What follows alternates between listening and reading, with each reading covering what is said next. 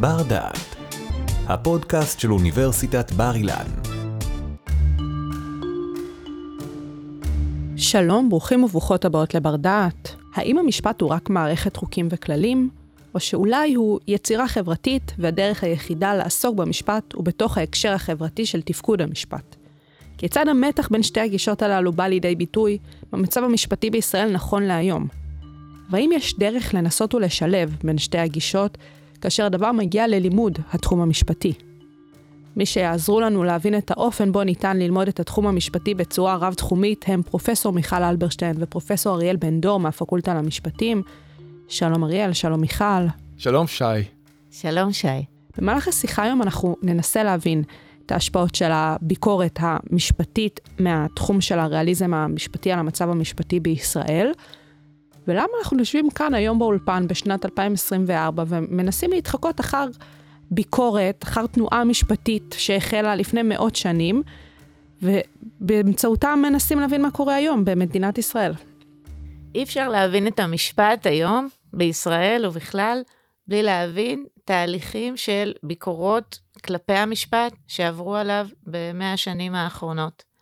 הריאליזם המשפטי היא תנועה מרכזית שביקרה את המשפט, ואנחנו ננסה היום להבין את האופן שבו היא השפיעה גם על לימוד המשפט, חקר המשפט, איך היא הגיעה לישראל, ואיך בסופו של דבר היא משפיעה גם על החינוך המשפטי. ועל רקע כל הדברים האלה נראה איך ההתפתחויות, גם התיאוריות הישנות וגם ההשפעות החדשות על המשפט הישראלי, איך הן מתבטאות בתוכנית הלימודים למשפטים בפקולטה למשפטים אה, שלנו, כולל רפורמות משמעותיות אה, שייכנסו לתוקף בשנת הלימודים הבאה, תשפ"ה.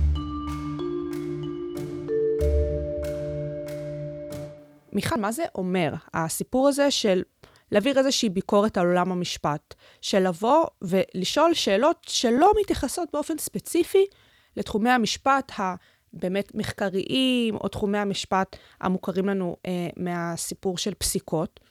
מה, מה העניין שם? תנועת הריאליזם המשפטי מתפתחת בארצות הברית בתקופה שבין שתי מלחמות העולם. והיא תנועה ביקורתית שמזעזעת את אמות הסיפין של המשפט. זאת אומרת, מערערת על כל הנחות היסוד שלו. חלק מהרעיון הוא לקשר אותו למדעי החברה, אבל גם להגיד שכל ההנחות של המשפט בדבר האוטונומיה שלו, בדבר היותו מדע של כללים, בדבר היכולת להסיק על עובדות באופן אובייקטיבי, כל ההנחות האלה בעצם מוטלות בספק, ולכן כללים הם כאלה שלא ניתן להכריע איתם. The indeterminacy of the law. המשפט הוא לא ניתן להכרעה, תמיד צריך לבחור בין כללים. הכללים הם רבועים בפערים, בעמימויות, בלקונות, הם לפעמים מתנגשים זה עם זה, וההליך המשפטי יוצר גם מצבי ברירה שמגבירים את אי-הוודאות. זאת אומרת שאם אנחנו מנסים להגיע לאיזה אמת אובייקטיבית אחת מוחלטת, התנועה הזאת באה ואומרת, אין מצב כזה. האמת היא אולי ניתנת להשגה, אבל היא לא אמת של דדוקציה ושל יישום כללים באופן מכני. היא קשורה אולי לקידום איזה טוב חברתי, היא קשורה אולי לפתרון בעיות. יש כל מיני אידיאלים חדשים שצומחים לגבי משפטנים בעקבות הביקורת הריאליסטית, אבל בגדול, כן, האמירה הראשונית של הריאליסטים היא ביקורתית, והיא סוג של מצב רוח אינטלקטואלי שאומר, המשפט הוא לא מה שחשבנו והוא לא מסוגל להגשים את המטרות שלו. שמה המטרות של המשפט? זאת אומרת, אם הריאליזם בא ומעביר איזושהי ביקורת, מה במובן מסוים תפיסת המוצא למה שהמשפט אמור להיות? תפיסת המוצא היא שהמשפט הוא מוסד חברתי שמאגד בתוכו את כל הכללים שמכווינים התנהגויות של בני אדם, שיכולים להכריע באופן אובייקטיבי בסכסוכים ביניהם, ושניתנים uh, לשינוי והתאמה, אבל בסופו של דבר, הכללים הם מרכז עולם התוכן של המשפט. זוהי מערכת נורמטיבית שאמורה להספיק כדי לתפעל את מוסדות המשפט. אז זה מהבחינה הכללית. זאת אומרת, מה שהאנשים שתופסים בתפיסה של הביקורת הריאליסטית מנסים לחתור אליו, אולי ננסה קצת לצלול פנימה, להבין קצת יותר ברמת המיקרו את הטענות של אותם uh, מבקרים. אוקיי, okay, אז אולי הטענה הכי חשובה היא ספקנות הכללים, מה שתיארתי קודם ביחס לאובדן האמונה ביכולת של הכלל המשפטי להכריע. אז אם הכללים לא מסוגלים להכריע ולהנביע תוצאה, מי בעצם אחראי לכך? האם זה השופט, האישיות שלו? האם זה קשור בסוג של אה, אינטואיציה?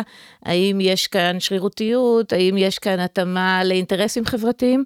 במובן הזה, הריאליסטים פתחו עולם שלם של ביקורת, שמאוחר יותר גם נראה שהוא מיושם במקומות שונים, לשינוי המעמד והיחס בין הכללים לבין המשפטן או המשפטנית שמכריעים לפיהם. זאת טענה אחת. טענה שנייה הייתה ספקנות עובדות. זאת אומרת, אין יכולת להכריע באופן אובייקטיבי בעובדות שעומדות בפני השופטים.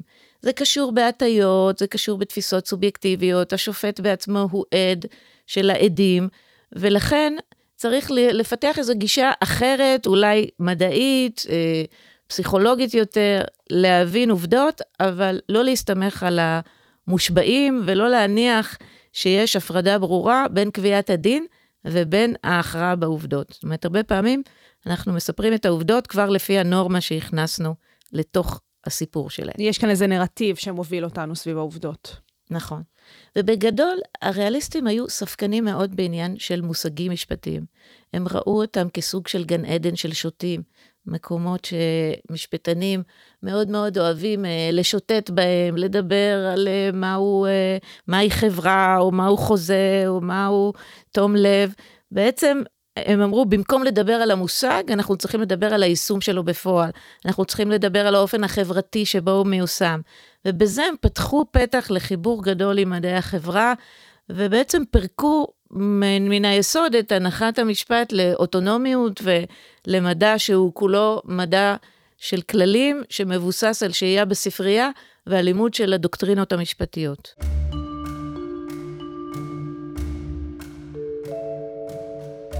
אז זה ככה מהבחינה של להבין פחות או יותר את הנקודות שאותם אנשים שמחזיקים בעמדה של הביקורת הריאליסטית של המשפט מחזיקים בה. תוכלי להסביר לנו ככה בדוגמאות, אולי באמת אה, מתוך מקרי עבר, בשביל שנוכל להבין קצת יותר טוב איך הדברים באים לידי ביטוי בשטח? אני אתן דוגמה לקושי ביישום של כלל משפטי, ודרך זה אפשר יהיה לראות גם את הביקורת הריאליסטית, וגם את מה שבא אחריה. למשל, יש כלל שאומר, אסור להכניס כלי רכב לפארק. Mm-hmm. זה לכאורה כלל פשוט. מאוד. ובתפיסה פורמליסטית, שזה מה שהיה לפני הריאליסטים, זה מה שהם ביקרו, אפשר לומר שלא להכניס כלי רכב בפארק, זה לא לנהוג אה, עם הרכב שלי לתוך הפארק. נכון. אז הכל ברור, והנה יש לנו מדע משפטי, ואנחנו מיישמים את הכלל באופן פשוט. איפה הבעיה? איפה הבעיה? באים הריאליסטים ואומרים, רגע, האם אפשר להכניס אה, לפארק אה, אופניים עם מנוע עזר? קורקינט. קורקינט חשמלי? האם זה כלי, רכ... כלי רכב? מתחילים להתפלפל, אותה התפלפלות. מתחילים להתפלפל, לא מבינים מה המשמעות של המושג כלי רכב. האם הולכים בשביל זה למילון? אולי בהגדרת החוק כתוב כלי רכב זה מה שרשום במשרד התחבורה וככה וככה, זה יכול להיות. אבל אולי פתאום אה, נכנס אה, איזה יצור חדש לפארק, או אולי כמו בדוגמה של אה, לון פרולר שהוא מדבר עליה, אולי מכניסים טנק לפארק. עכשיו, ברור שאי אפשר להכניס טנק לפארק, אבל אולי זו אנדרטה, ואז מכניסים אותו לצורך הצבא שלה. זאת אומרת, חלק ממה שהריאליסטים יגידו, שאי אפשר לענות על השאלה מה לא ניתן להכניס לפארק, בלי להיכנס לתכלית של החוק. שזה לא בהכרח אה, לא נכון מבחינה אינטואיטיבית. זאת אומרת, אני חושבת שבמובן מסוים, הסיפור הזה של לבוא, ורגע לרדת לדקויות, זה באמת משהו שאמור לעשות גם סדר במובן מסוים. זה בהחלט אמור לעשות סדר, אבל אצל הריאליסטים, ההנחה הראשונית היא שאין סדר אפילו בגרעין. זאת אומרת שגם כלי רכב שאני נוהגת בו, כדי לדעת אם הוא יכול להיכנס לפארק, חייבים להיכנס לשאלה מה תכלית החוק, מה ההקשר, מתי אני שואלת את השאלה, ואין מצבים שאפילו הם מצבי גרעין, מצבים ברורים מאליהם של יישום החוק. אלא כל הזמן יש שיקול דעת. ואם תרצי, תוכלי לקחת את דוח החנייה הכי בסיסי שאת מקבלת על הרכב שלך, ואולי להגיע איתו עד לבית משפט העליון, אם את מערערת איזושהי הגדרה, או את מוצאת לנכון uh, להתעמק באיזה סעיף לחוק, בעצם יש הרבה תהליך פרשני, יש הרבה תהליך של קשר לתכליות החברתיות, יש הרבה התייחסות לאפשרויות והווריאציות השונות שעשויות להגשים או לא להגשים את uh, מטרת החוק, והריאליסטים פותחים את האפשרויות האלה. ובתקופה מאוחרת הם אפילו משפיעים על יצירת תורת משפט שלמה, שהיא קצת דומה לגישה התכליתית אצלנו, שאומרת שלשון החוק היא רק תחילת הדרך, והיא אף פעם בעצם לא נותנת לנו אינדיקציה על איך ליישם אותו. אלא אנחנו צריכים ללכת להיסטוריה החקיקתית, לתכלית של החוק, למטרות היסודיות של השיטה, ורק מתוך זה נוכל להגיד איך ואיזה כלי רכב יוכלו להיכנס לפארק. מהדברים שאת מתארת בנוגע לתנועה הזאתי, לא יודעת למה אני ככה יושבת כאן בכיסא וקצת מרגיש לי שאותם ויכוחים או אותן אה, באמת אה, השגות בנוגע למהו המשפט, מה תפקיד המשפט, מה תפקיד השופטים, מהווה איזשהו פתח מאוד מאוד רחב לוויכוחים פוליטיים. אז האמת שהריאליסטים, אה, היה להם מאפיינים פוליטיים, הם אה, נחשבו צעירים, חצופים, אה, פרוגרסיביים, slash שמאלניים, שבין שתי מלחמות העולם. הם אחר כך עברו איזה סוג של ביות, אפשר לומר, זאת אומרת, אחרי, אחרי המלחמה, אחרי מלחמת העולם השנייה, רבים מהם נהיו מיינסטרים, חלקם נהיו שופטים, למשל ג'רום פרנק, אחד מהאבות של הריאליסטים, ואז הם ישבו כבר ויצרו מבנים אה, הרבה יותר בונים, אפשר לומר, של חשיבה משפטית, כולל אה, חשיבה תכליתית, כולל אה, התייחסות אל המשפט ככזה שהוא בתנועה, אבל התנועה היא תמיד כזאת שיוצרת איזושהי קוהרנטיות ומסתמכת על אה, ערכים חברתיים וזכויות שמוסכמות על כולם. אבל היה להם מאפיינים פוליטיים. הם השתייכו בעיקר לקולומביה וייל, ויצאו נגד השמרנות של הרווארד, והם היו תנועה אינטלקטואלית יחסית שולית, זאת אומרת, לא בהכרח השפיעו על המיינסטרים של החינוך המשפטי, אבל ההשפעה שלהם על האקדמיה ועל הדור הבא, של המורדים, אפשר לומר, או של השמרנים דווקא, שהתייחסו לריאליסטים, ההשפעה הזאת הייתה עצומה. בעצם אפשר לומר שאחרי הריאליזם המשפטי ובשנות ה-70 בארצות הברית, כולנו ריאליסטים, זאת אומרת, כל מי שעוסק במשפטים עבר כבר את תהליך הביקורת, משהו השתנה בתמימות של תפיסת המשפט, ובתוך זה יש בתי ספר שונים, מימין ומשמאל, אבל חלה איזושהי פוליטיזציה של הספירה המשפטית, של השדה המשפטי, ואנחנו כבר לא נמצאים במקום שבו יש מדע משפט שהוא מנותק באופן מלא מפוליטיקה.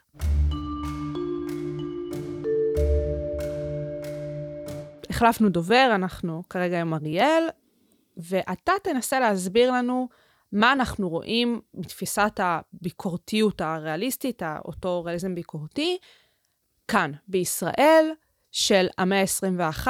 לצורך העניין אנחנו מקליטים את הפרק שלנו בתחילת 2024, ואם עם מיכל אנחנו דיברנו על התנועה הזאת כתנועה שהתחילה בין שתי מלחמות העולם, זאת אומרת, לפני עידן ועידנים במובן מסוים, אני קצת מנסה להבין מה הקשר בין אותה תפיסה שהתחילה לפני המון המון שנים, לבין המציאות שלנו כאן היום בישראל.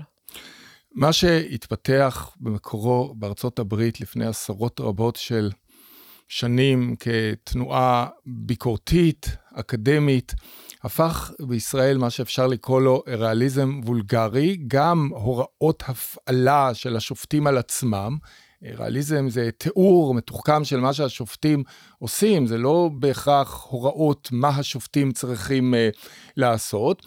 ויותר מכך, בגרסה וולגרית שמיד אני אסביר uh, מהי, הפך לאיזשהו מיינסטרים בפוליטיקה, uh, גם משמאל וגם מימין, ראינו את זה בתקופת הרפורמות, לוחסן הפיכה אה, אה, אה, משפטית, שהייתה הסכמה, אני חושב שכל הצדדים, שהדבר החשוב ביותר זה זהות השופטים, שיטת הבחירה שלהם, ולא מה אומר, מה אומר החוק ומהם הזכויות והחובות של האזרחים. במובן מסוים הגענו לקיצון מסוג אחר בתקופה האחרונה. אתה ממש מתאר כאן איזושהי...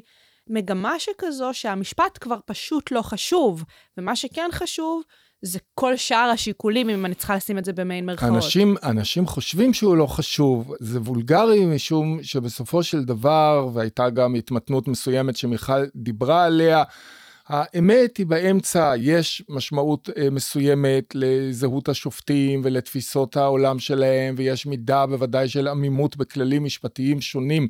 לומר מזה ששום דבר לא חשוב אלא מה שהשופטים אה, אה, רוצים, ואנחנו חיים בתוך עולם של שרירות, ואך ורק שהפוליטיקה האישית היא זו שקובעת.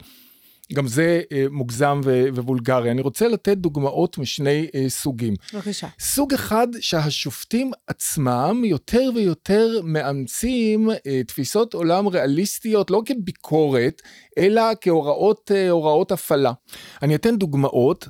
גם ההיבט של השופטים עצמם וגם ההיבט הציבורי. אה, אה, בבקשה. הרעיון בריאליזם הוא שהוא ביקורת על השופטים, הוא לא בהכרח הוראות הפעלה מה שופטים צריכים לעשות, אבל אצלנו שופטים, שופטי בית המשפט העליון, לפעמים תופסים אה, תובנות שמקורם בריאליזם כאומרות להם מה צריך לעשות. אני אתן דוגמה מהתחום שלי שזה משפט חוקתי, תורה בשם אה, בשלות, שבית המשפט אה, אה, פיתח אותה.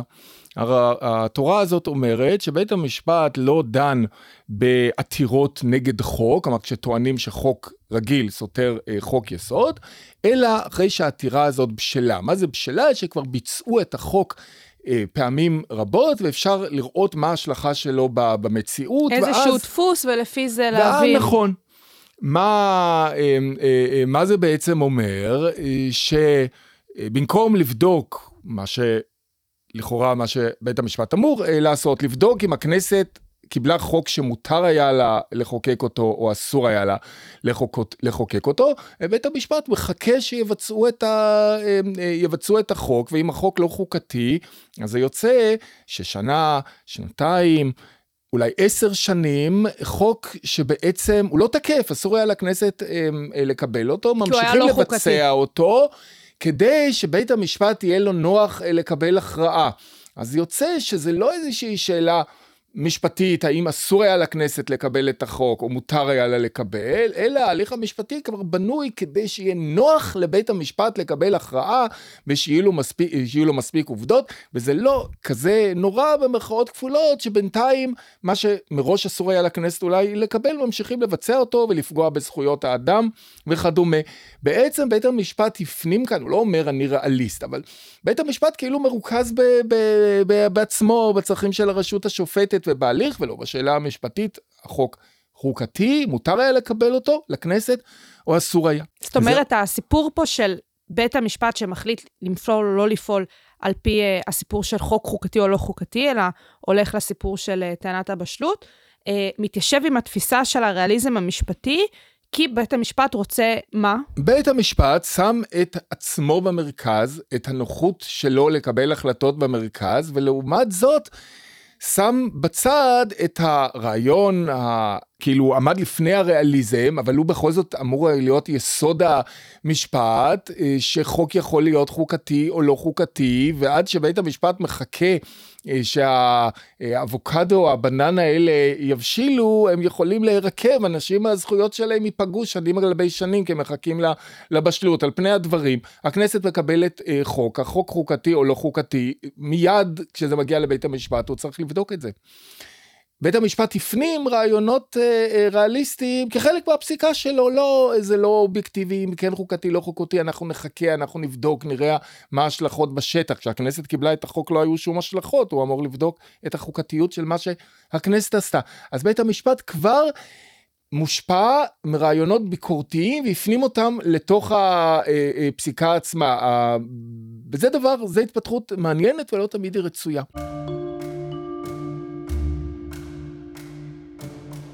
דוגמה נוספת אולי, באמת מהזווית היותר פוליטית? מהזווית הפוליטית, מה, מהזווית הציבורית, מה שקרה החל מ...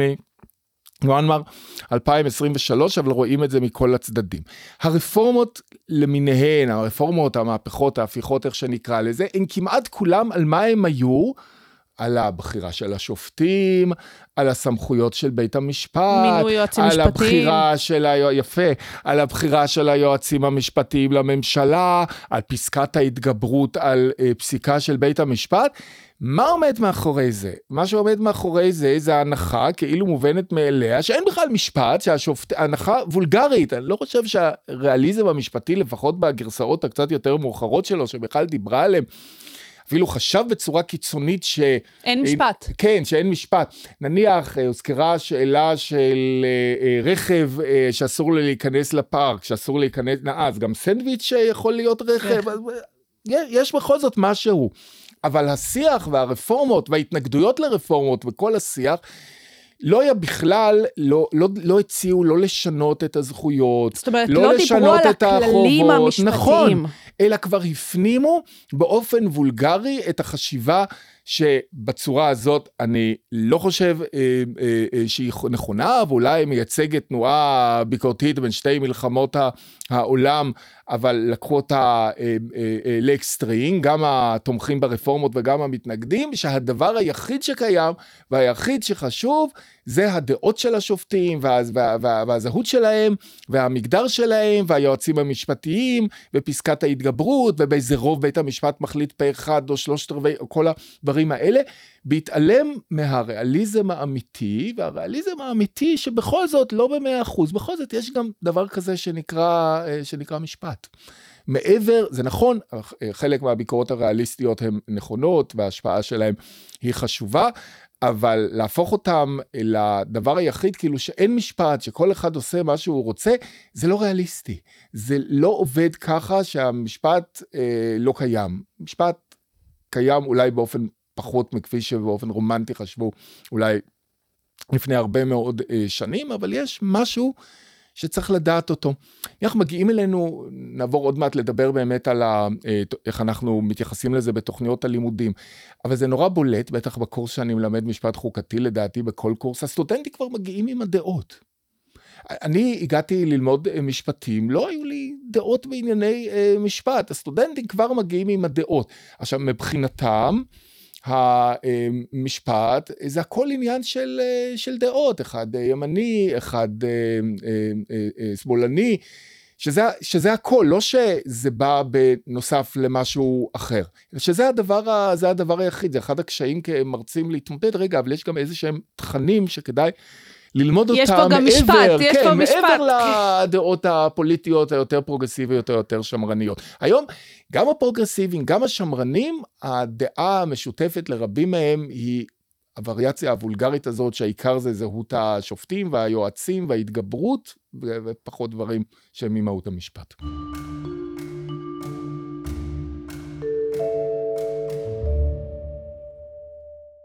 מיכל ואריאל, אנחנו מגיעים לסיומה של השיחה שלנו, שבמסגרתה אנחנו ניסינו להבין וללמוד אודות הביקורת אה, של הריאליזם המשפטי, ניסינו להבין מה המקורות שלה, מה היסודות שלה, ודרך זה הבנו כיצד הדבר התגלגל לכדי המצב של הריאליזם הוולגרי. נכון להיום במדינת ישראל, כיצד הדבר הזה השפיע בין היתר גם על הרפורמה אה, או המהפכה המשפטית.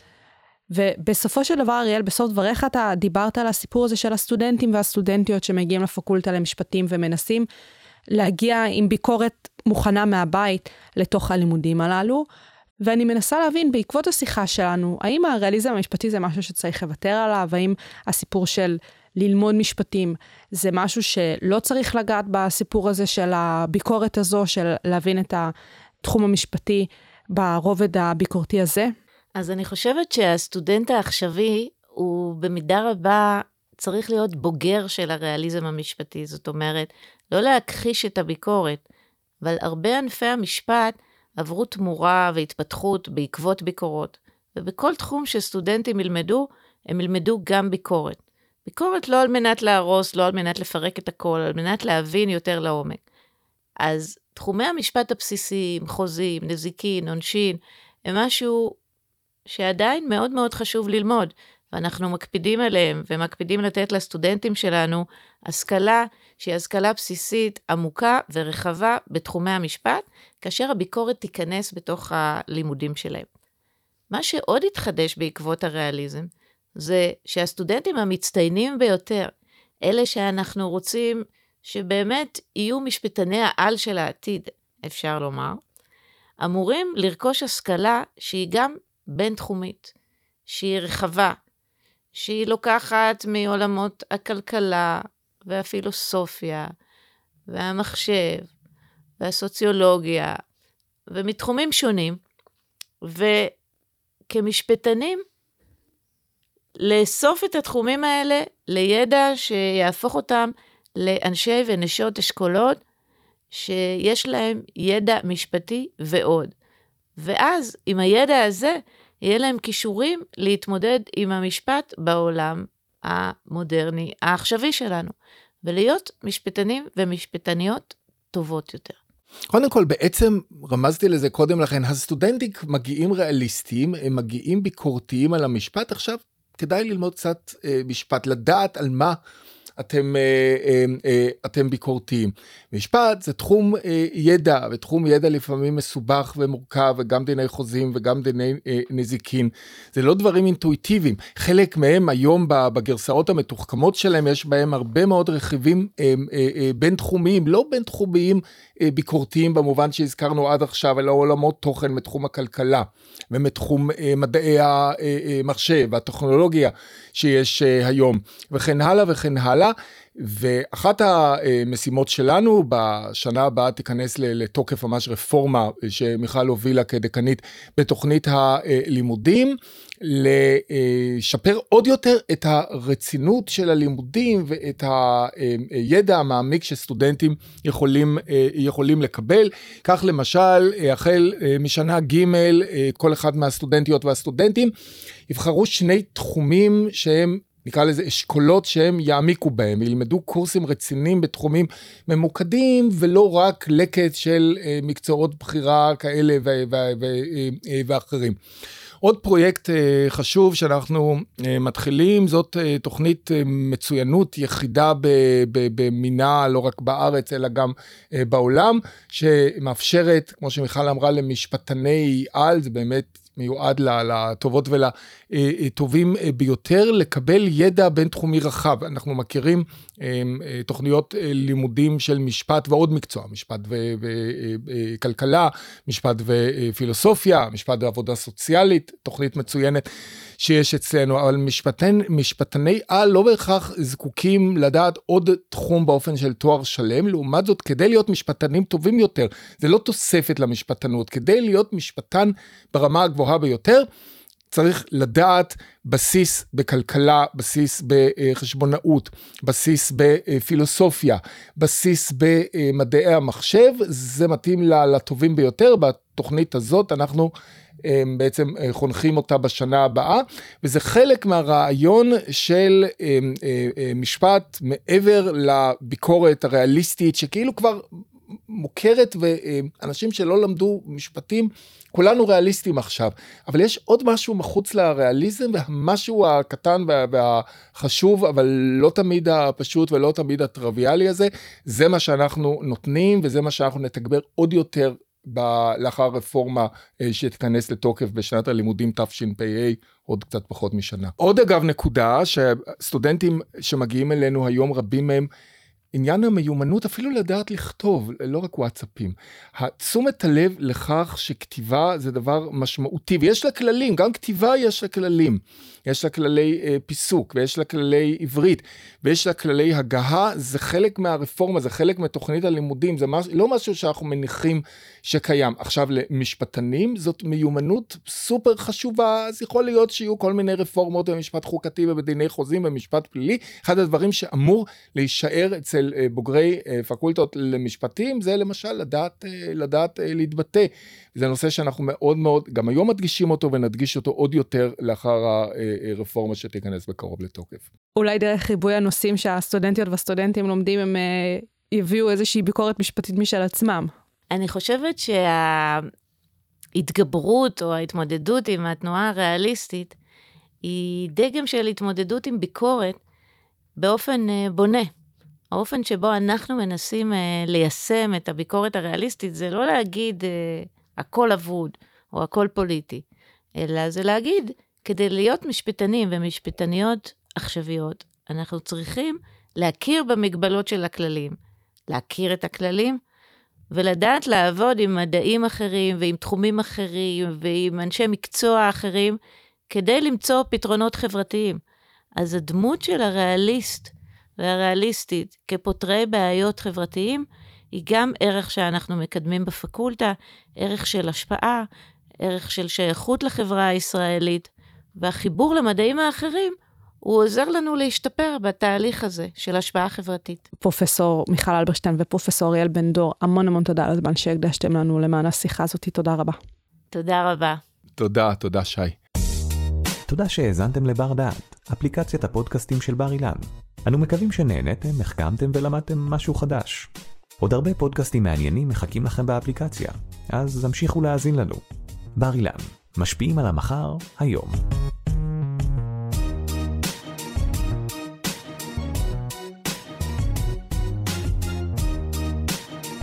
ערכה והפיקה שי קלוט. תודה על ההאזנה.